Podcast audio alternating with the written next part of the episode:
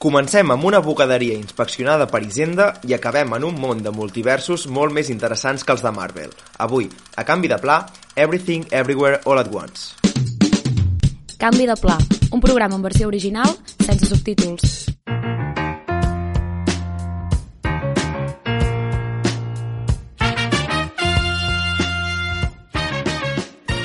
Benvingudes i benvinguts a un nou episodi de Canvi de Pla, cinquè film, nominat a millor pel·lícula als Oscars que comentem en el nostre humil podcast. Sense cap mena de dubte, el fenomen més inesperat d'aquesta temporada de premis.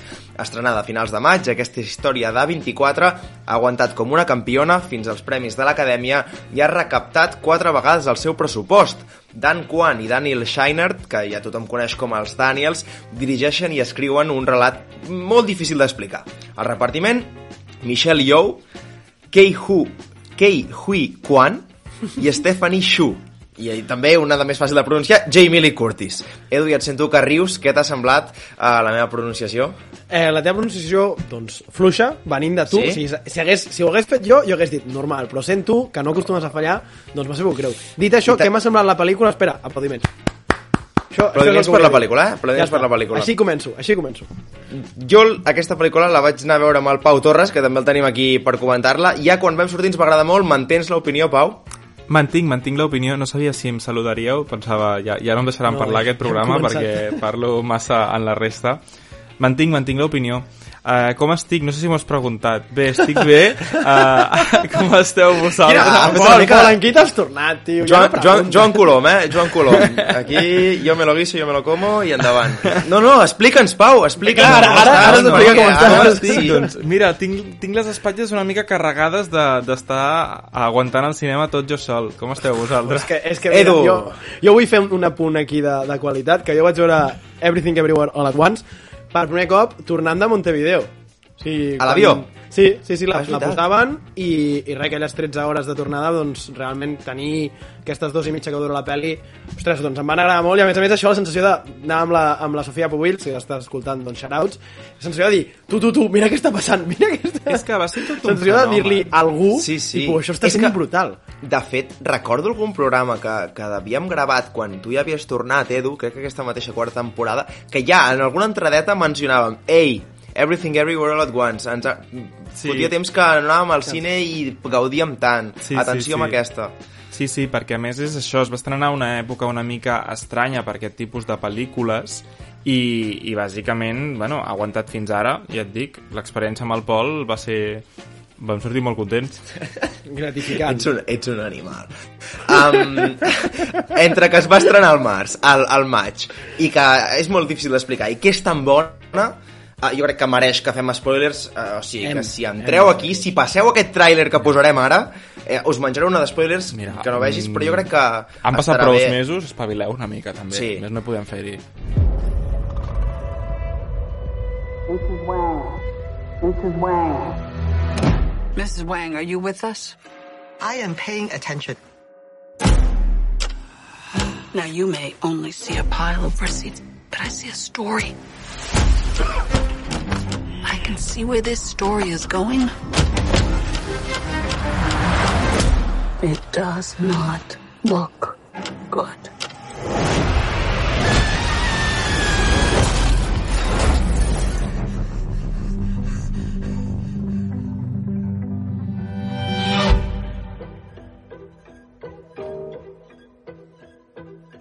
La pel·lícula més nominada a aquests uh, 95ens Premis Oscars de la nostra estimada Acadèmia, amb 11 nominacions, a banda de millor pel·lícula, millor direcció, millor actriu, millor actor secundari, doble millor actriu secundària Stephanie Shu i Jamie Lee Curtis, també millor guió original, banda sonora, cançó original i disseny de vestuari i millor muntatge. Mm, Clarament, la favorita de l'edició d'enguany, que no ho semblava, però potser serà la pel·li de, de consens, no? Està per veure, però davant... O sigui, el fet que hagi tingut tantes nominacions vol dir que ha agradat a més votants de les que molts ens imaginàvem d'inici, perquè és una pel·lícula estranya, diferent i segurament eh, no és per tothom, no és per tothom, però, però vaja, mm, es, es veu sol amb les nominacions. El que caldrà veure és si prou gent la considera la millor. Jo crec que és una pel·li molt um, do, 2022, bueno, 2023, segle ja avançadet, segle XXI eh, ben entrat, o sigui... De modernos. sobretot té un missatge que, que, que és prou modern i sobretot amb la forma, que jo a vegades amb aquestes pel·lícules que volen innovar o pateixo una mica que no puguin entrar uh, al gran públic, però jo crec que aquesta uh, té molt èxit perquè se la veu moderna, se la veu fresca, que és un adjectiu que aquí ho diem, però se la veu així... Però és la veritat. pa- passable, i és que, no ho sé, em pot apel·lar molt a, a l'audiència. Sí, per mi una de les claus és, un, que és de 24, és a dir, quan una proposta d'aquestes, si no ets consci... si vas al cine sense saber que és de la productora 24, quan surts i veus que és seva, tot quadra, perquè és una aposta realment bastant arriscada, si no està ben executada. Germán Russo, eh, produint també, sí. amics dels multiversos. Exacte, que, que, qui, qui millor, qui millor que, que els amics de, de Marvel que, que han generat aquest multiverso que ara se'ls està eh, anant la merda, però bueno, que el que vinc a dir és no, les coses com són, és a dir, aquest Sí, sí. sí, multiverso és molt millor que tot el que ens ha plantejat ara a l'MCU. Però el que vinc a dir és, és una cosa que és difícil d'explicar, com dèiem, no és una pel·lícula que tu li puguis dir a algú vés-la a mirar perquè passa això, no, no. Tot el rato estan passant moltes coses, valgui la redundància, però que a més a més em, et Tota l'estona aquest- estan passant totes les coses. Gràcies. Every... perdó. Ah, home, Eh, ei. Perdó, perdó, perdó. Ei. Però que vull dir que, hi ha, que tot i aquest desconcert constant no et deixa de treure aquesta mitja somri aquest Clar. mig somriure de la boca de dir, tu, estic veient algú molt guapo. A quin gènere la poseu? Ciència-ficció... Drama, ho dic amb acció, moltes ciència-ficció. cometes. És que, o sigui, a, mi- a mi les parts que vaig gaudir més són les de comèdia. Sí, però... Perquè jo recordo, Pau, vam riure. Ah, I tant però que vam riure. riure. fort. Riure que fort. Això... I també hi ha, o sigui, en el sentit de drama com a tal no, però hi ha moments familiars intensos de dir, Sí. ostres, Sí, sí, sí, però Que- jo que crec que... molts pals. A veure, en el fons és ciència-ficció, el que passa és que assumim molt ciència-ficció com una cosa una mica de Aliens. aliens i coses així, però no necessàriament. És que un, una cosa que m'agrada molt d'aquesta pel·lícula és que no es limita a la ciència-ficció, però que si volgués, si agafés la premissa de ciència-ficció, que és una cosa... Bueno, la premissa de que hi ha infinits universos, tants com decisions a la vida, i hi ha una cosa que m'agrada molt, que és que la, la, la protagonista que té la capacitat de posar-se a la ment de- d'ella mateixa a un altre univers pot adquirir les seves habilitats. uau, eh, això que Aleshores- és complicat, però ho has resumit bastant bé. Aleshores, si tu li treus tota la comèdia i tot el, el format aquest i la poses en, uns, en un, una presentació clàssica de pel·lícula de ciència-ficció d'heroi, de malvat, i, i el, el joc, les regles del joc són aquests poders, jo te la compro també. Una, 100%. una pel·lícula, de, de, jo què sé, estil Minority Report. Em poses Però- un, unes premisses i, i anem a una ciència-ficció seriosa. Però a mi el que em fa, que em fa molt interessant d'aquesta pel·lícula és que puguent abocar-se d'això i bueno, Clar! sent els productors, el Russo decideix fer una cosa No, no. tu- molt més intel·ligent, Sí, molt sí, més sí, sí, treballada, totalment. vull dir que defuig d'aquesta idea, perquè és això, si ara l'haguessin de vendre, és que jo sempre penso, com explicaria aquesta pel·lícula? Si l'haguessis d'explicar, segurament pitch, l'explicaries... Sí. Ah, sí, el pitch. Ah, el bo, el dolent, i, i llavors xoquen, i però no estaries sent fidedigna. No. Però perquè és molt complicat, i això I- és el que s'ha de valorar. I per això també és molt rellevant el fet que darrere hi sigui A24, és el que he dit l'Edu abans, que és una mica el que et marca que aquesta pel·lícula, llegint la sinopsis, no és el que t'esperaràs. De fet, recordem que, a veure, el punt d'inflexió de la pel·lícula és un tema d'impostos, és un tema purament Sí, burocràtic, sí. és una funcionària, Jamie Lee Curtis, funcionària del Esa- que seria la hisenda estatunidenca. Vull dir, Comença, comença amb, amb família emigrant als Estats Units, que dius, bueno, això serà minari, i Exacte, acaba sent Això ja ho he vist aquests últims anys. una espècie de soul reflexionant sobre l'existència, passa per, jo què sé, Interstellar i, i Endgame, i, Tio, i et porta camins coses. que no t'ho esperes. O sigui, I és més- una pel·lícula per... Digues, digues, Edu. No, no, no, acaba, tanca-ho. No, que sí, és una pel·lícula per, per la penya segle XXI que està a TikTok, que, necessita, que té dèficit d'atenció, o que tenim dèficit d'atenció, Mm, i, no un pots dubte, eh? desconnectar, eh? Jo, jo, aquí, sí. jo aquí dubto, eh? És a dir, eh, crec que és una pel·li... No vull dir massa intel·ligent, però crec que és una pel·li amb moltes connexions constant com perquè tu puguis desconnectar. M'explico, és a dir, et compro que té molts impulsos visuals i permet que estiguis tota l'estona com a, amb els ulls com a mandarines, però a la vegada em, no et permet la desconnexió, perquè entre que fas els salts d'aquí cap allà de no sé, va, va com movent, et remou tant la, una mica l'esquelet de la pel·lícula que si no estàs seguint una mica el fil et pot pillar una mica contrapeu, jo crec. Jo crec que és una pel·lícula per no reflexionar en el moment. És a dir, uh -huh. amb, amb d'altres pel·lícules tu ja estàs pensant en el que estàs veient, però en aquesta pel·lícula tens tants impulsos que t'has d'esperar després. Jo crec que t'has d'esperar, quan surtis del cinema, a reflexionar una mica de què acabo de veure. Però està ple de referències, ple de Sí. situacions hilarants, una espècie de Ratat una versió de Ratatouille allà posada. Sí, Vull sí. dir, és que ha sigut icònica a nivell de memes, també. És que el que passa és que et sobrepassa. Igual que la situació Sí. està sobrepassant la protagonista, el nivell de muntatge, de ritme i els colors, amb tot el vestuari que hi ha per allà al mig, to tota la posada en escena ja és un tsunami que, que, que se t'endú, se t'endú. Vull dir, tens, estic molt d'acord amb tu, Pau, que és per reflexionar-hi. Però a mi el que m'agrada és que el que fa molt bé és que tot i que té aquest ritme frenètic que deies, després és quan ve la reflexió, jo et diré que de fet, ells et marquen quan toca reflexionar, perquè quan ja estàs a la callada de la pel·lícula, sense explicar una mica el que, no? Però que, que hi ha aquella No, no, escena ja, final... ja, hem, ja hem dit que era territori aquella escena spoilers, final eh? al pàrquing que parlen la mare i la filla i tal, que és, al final és el, el tema de la pel·lícula, és ella que es vol emancipar, un dels temes, no?, que vol marxar la filla, aquest que, que també és homosexual ella, i, i aquests passos que vol fer, et diuen, vale, ara que has vist tot això, és el moment de reflexionar de què significa... A mi m'ha donat aquesta sensació, eh, de dir, Sí. ara toca pensar-hi.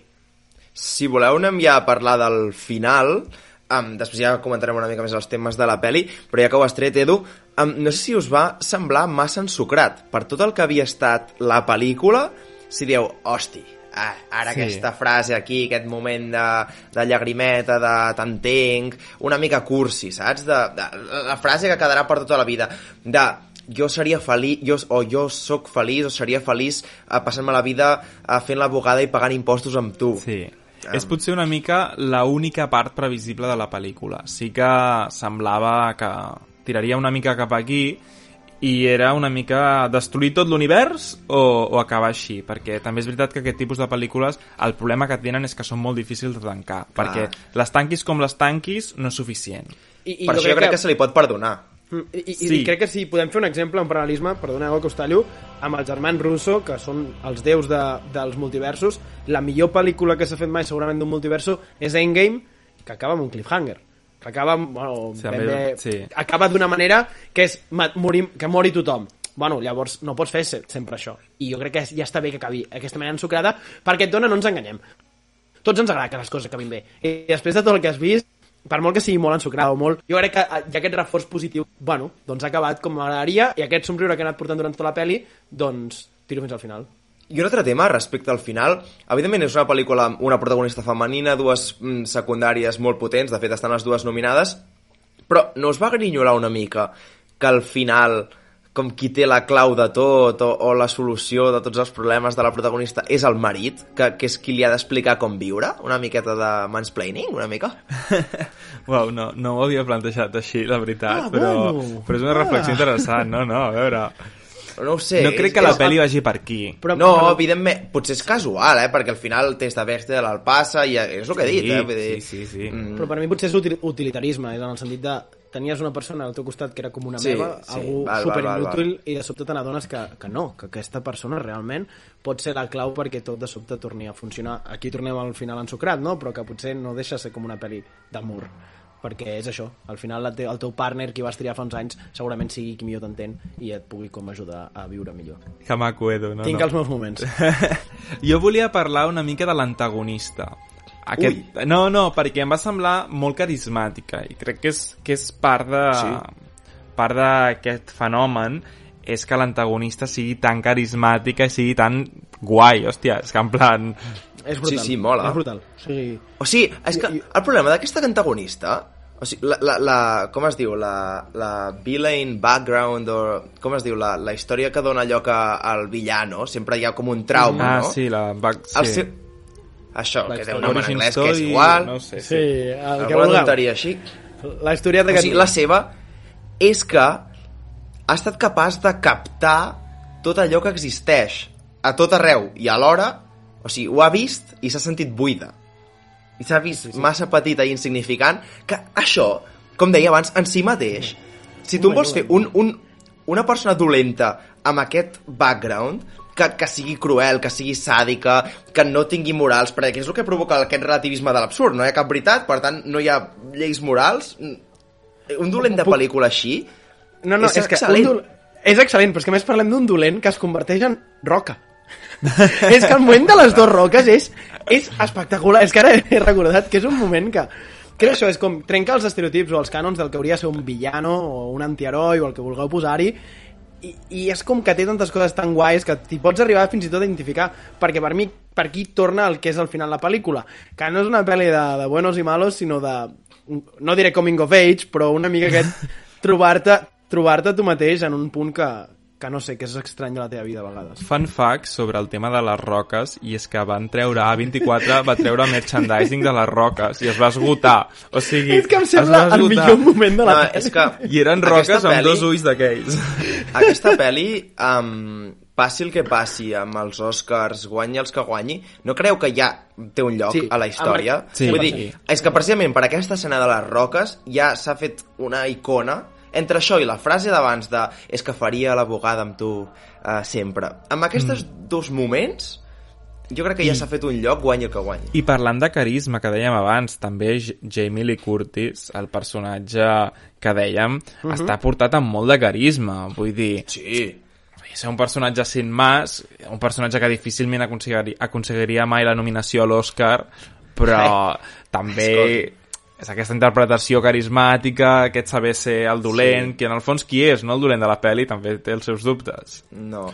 Um, les interpretacions, jo crec, um, cap queixa, al contrari, uh, nominació per la protagonista merescuda, um, i so- m'està agradant molt la, la campanya de, dels secundaris, que el, el bo del quan, està, estan jugant aquesta carta de l'humil, no? El quan, hosti, per mi és un somni, haver arribat fins aquí ja és un orgull, no sé, que sí, que és el que ha de fer, Sí. però és que Jamie Lee Curtis també ho va fer, que va fer la reacció aquesta a la davant de la pantalla amb la nominació Nepo Baby dels nassos.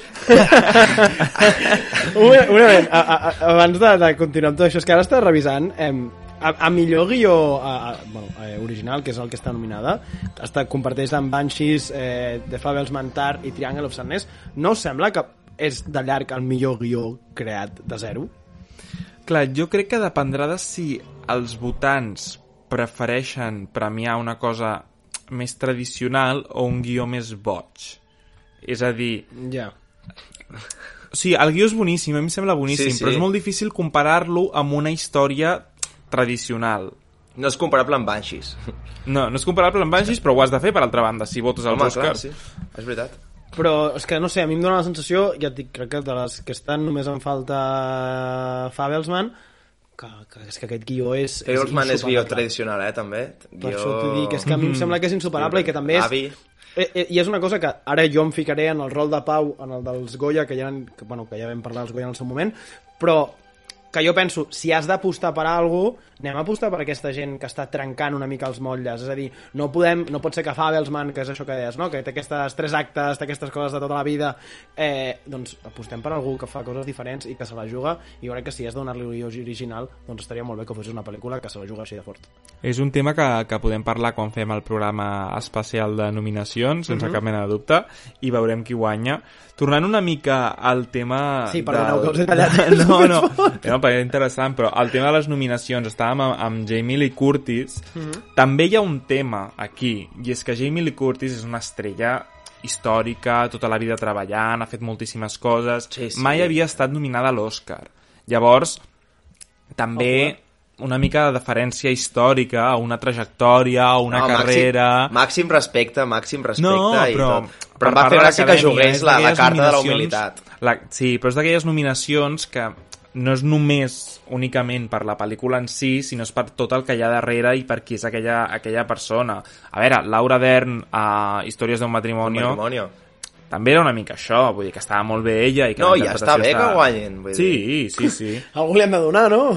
Sí, no, no, però es prefereixo um, un, un Òscar que uh, se sustenta amb una bona interpretació i es complementa amb una bona carrera que no sí. pas anar tard i corrents a veure quina és l'última pel·li que ha fet, la nominem, no sé què, Sí, Òscar sí, honorífic, sí, sí. no? A veure, Jamie Lee Curtis està bé aquí, està molt bé, de fet, serà una de les candidates, suposo per sobre de la seva companya, um, però, però vull dir, no veuria gens malament que se l'endugués Una i que mica- passés una mica la carrera. una mica DiCaprio, no? Estem, estem, o sigui, jo crec que Sí. això ho podríem dir, Sí. crec que és l'Òscar... Eh...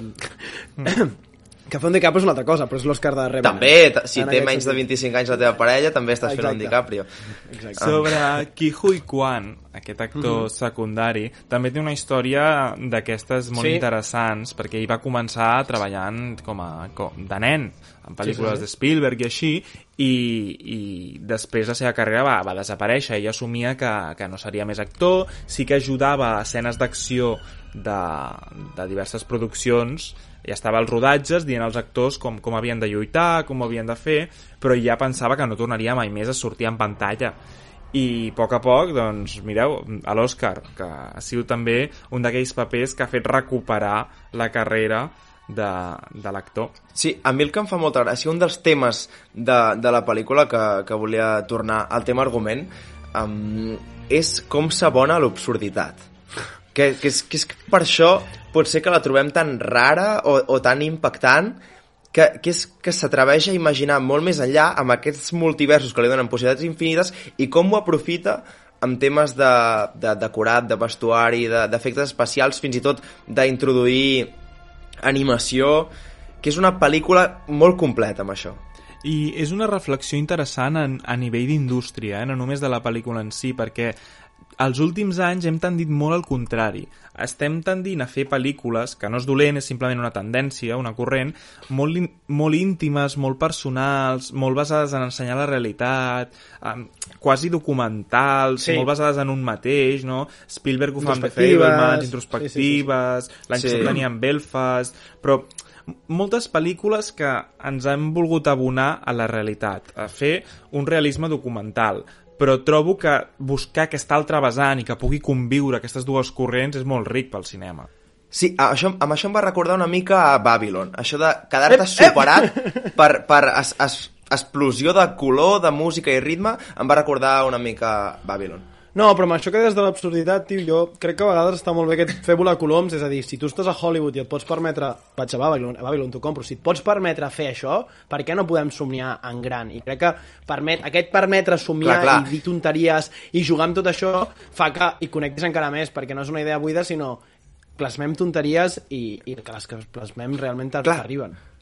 que tu per saltar d'univers podries fer que calgués prémer un botonet però a part del botonet cal que facis una cosa sense sentit que és el que activa el pas i amb això és que obre un piló de possibilitats des de, no sé, és que es mengen el pintallavis, salta d'univers, es gira les sabates, l'univers que tenen hot dogs als dits. Tu, Pau, eh, mencionaves abans el, el, la paròdia de Ratatouille amb un, com es diu, un, un os rentador, Raccoon, és sí. això? O- Uh, Sí. Un rentador. Sí, sí, un raccoon. aquests que, els que viuen a, la, a les escombraries que, que la- el- l'element clau de la història és un bagel al final Sí. Dir, aquesta absurditat constant atrau molt jo crec, no sé si ho ha fet algú, però si no ho ha fet, s'ha de fer una tier list dels univers de Everything Everywhere All Ui, at Once. ui. Hi ha Heu un munt dits els, El els dels Frankfurt és, dits és, és que és un espectacle.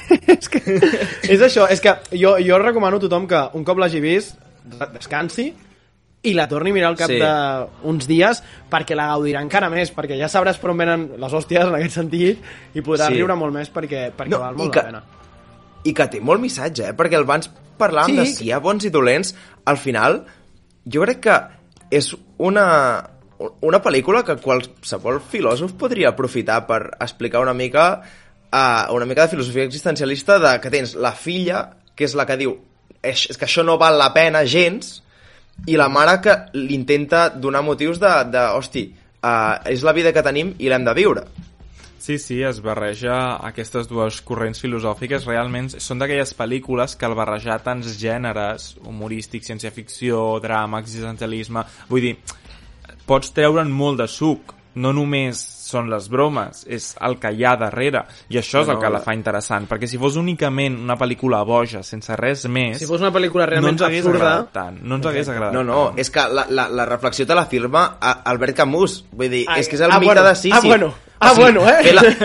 Sí, perquè és que fer la bugada, fer la bugada i pagar els impostos és la pedra que Sísif ha de pujar a la muntanya i que quan arriba a la muntanya li cau i l'ha de tornar a pujar. I Albert Camus et diu, la vida e- és una merda, és insignificant i no té més valor que el que tu li vulguis donar, i, i o sigui, la, la, Quina el fet d'empènyer la pedra, o sigui, t'has d'imaginar si sí feliç perquè troba la felicitat en empènyer la pedra, i al final és el que t'està dient la peli. És el que t'està dient la 100%, peli. 100%. Has de trobar el teu leitmotiv o la teva manera per, per viure. Sí, I per has de trobar la teva bugada, la teva pedra. És on anava al final. O sigui, per això em referia al final de la pel·lícula, que per molt que sigui molt ensucrat, és la clau que ho farà girar tot. I sí, és massa ensucrat i tal, sí, però crec que és com aquell regust positiu que t'has d'endur, perquè si re realment anem al cine i la vida ha de ser una merda, eh, quina llàstima, no? Doncs que ens ho venguin així una mica romàntic, que així almenys entrarà una mica millor que això de, de pujar la pedra sempre és una putada. Jo, sobretot les nominacions que ja hem anat comentant, sí que volia parar-me un segon a millor muntatge, perquè és una pel·lícula dificilíssima de muntar. Vull dir, no, no em vull imaginar la d'hores i hores d'edició que hi ha, perquè aquest frenesí, aquesta velocitat, sí. aquest ritme que nosaltres veiem, està composada per milers de frames, un superposat rere l'altre, que va canviant tota l'estona. Aquí hi ha hagut una feina, una feinada d'edició. Vull dir, potser no tant... en- Més que en Elvis, una- eh? Ah, bueno, Sí, ah, no, bueno. no, més que Elvis, més que Elvis. Molt més que Elvis. Clarament. No, però sí que és veritat que aquí hi ha, hi ha una feina darrere que, que s'han hagut d'estar moltíssimes, moltíssimes hores i que no només és un punt tècnic, té un component artístic molt important, perquè no és casual aquest ritme marcat amb l'edició, amb el muntatge. A mi, a, a mi d'edició i muntatge potser l'única que li pot no com anar a les bueno, l'única que jo crec que té un, algo semblant és Top Gun, però per l'altra banda, en el sentit del que és tècnicament una pel·lícula que ja en parlarem en el seu moment, no? però de tot el que és, eh, que és els avions, tot això, però en el que és el, la vessant artística és sense, però sense exagerar, de les coses més maques que ens ha portat Sí. al cine aquest any i en els últims. És a dir, jo des de Midsommar no recordo una pel·lícula tan colorida que, que la Ves a veure Babylon. Sí, no, l'haig d'anar l'haig d'anar a veure, l'haig d'anar a veure, però estic aquí amb això dels Oscars i no, i no em dona la plata. Sí, sí. Ah, que, que els Oscars han obviat, eh, el príncep del cinema. Ah, bueno, bueno ja, això que l'hem fet, a, això que l'hem fet al meu amic Damián em fa, em fa ràbia. Però bueno, que, que és on vaig. Que, que puguis artísticament llegint tantes coses, també puja un, un esgrau més per mi perquè sigui, un, millor guió i dos, millor pel·lícula de l'any segur. Hi ha, hi ha una escena, eh, que és quan la mare i la filla lluiten al final, Mhm. que a cada cop que es donen van canviant d'univers Mhm. i es manté l'escena de la baralla i per darrere va, suposo que, de, que evidentment deu ser el, el croma però igualment, a cada cop i a més a més l'edició és com a tempo, saps? cop, so Canvi. i canvi de I, i jo vull canvi de pla de, jo aquí vull destacar una cosa que això ho hem vist, en, ho hem vist a Disney, ho hem vist a Pixar lo difícil que és, o sigui lo bé que queda en animació i lo increïblement difícil que deu ser, tornem al que estàvem comentant, eh? fer-ho a, a la vida real i els hi queda que sembla un dibuix animat perfectíssim i crec que això també s'ha de posar en valor perquè fer una animació és molt senzill però el que aconsegueixen fent aquests cop, canvi, cop, canvi és, és no, encara més no més tan senzill, eh, Edu, perquè de fet van tenir un, un gran problema quan feien el Rei León, ara sí que tiro molts anys enrere, però Home, el Rei León... que estem al 2023, No. tio, que el Rei no és del 94 Sí, però vull dir que en aquell moment, en el moment on es va fent gran el Simba, que està amb la cançó de Kuna Matata, Sí, sí. van, que van variant els personatges i va variant el fons. I no ho podien fer a la vegada i van trigar moltíssim en fer aquella seqüència perquè els costava molt fer variar les dues coses a la vegada i que semblés realista que anava caminant. Vull dir que aquí Sí, però hi havia 30 una anys- feina important. Però, evidentment, 30 anys després, si te'n vas a Romper, eh, romper Ralph en internet, crec que és... només volia tirar la curiositat cinèfila. Romper Ralph la 2, la que és que Romper Ralph rompe l'internet, algo així, però passen tu per coses què mires semblants. aquesta pel·li? A veure, jo també l'he vista eh, si Clar, a veure. Pol, però quin podcast, un moment, quin podcast som, oi? Que som un podcast de cinema? 2, doncs, bueno, tio, algú, a vegades s'ha de passar a parlar-ho, això un dia ho entendràs. Però, però bueno, això, que, que allà també veiem aquest canvi d'escenes. De, d'escenes.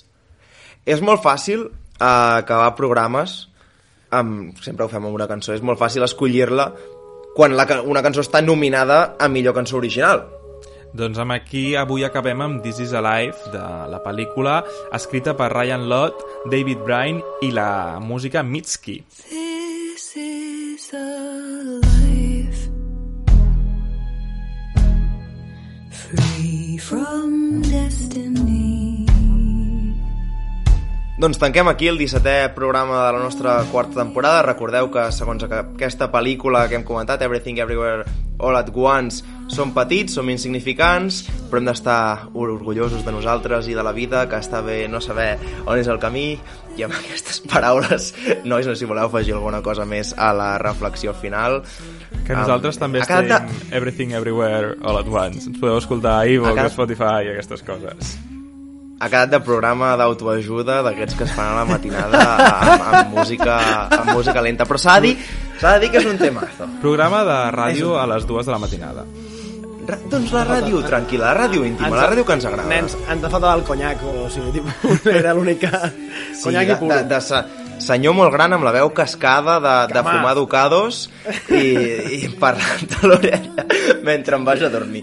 Mentre això, o sigui, perquè això no degeneri més ja, com deia, ho tanquem us ho deia el Pau, estem Everything Everywhere All at Once, Spotify, iVoox, Apple Podcast si comenteu la jugada amb nosaltres a Twitter i a Instagram ens farà molta il·lusió i nosaltres ens escoltem a la propera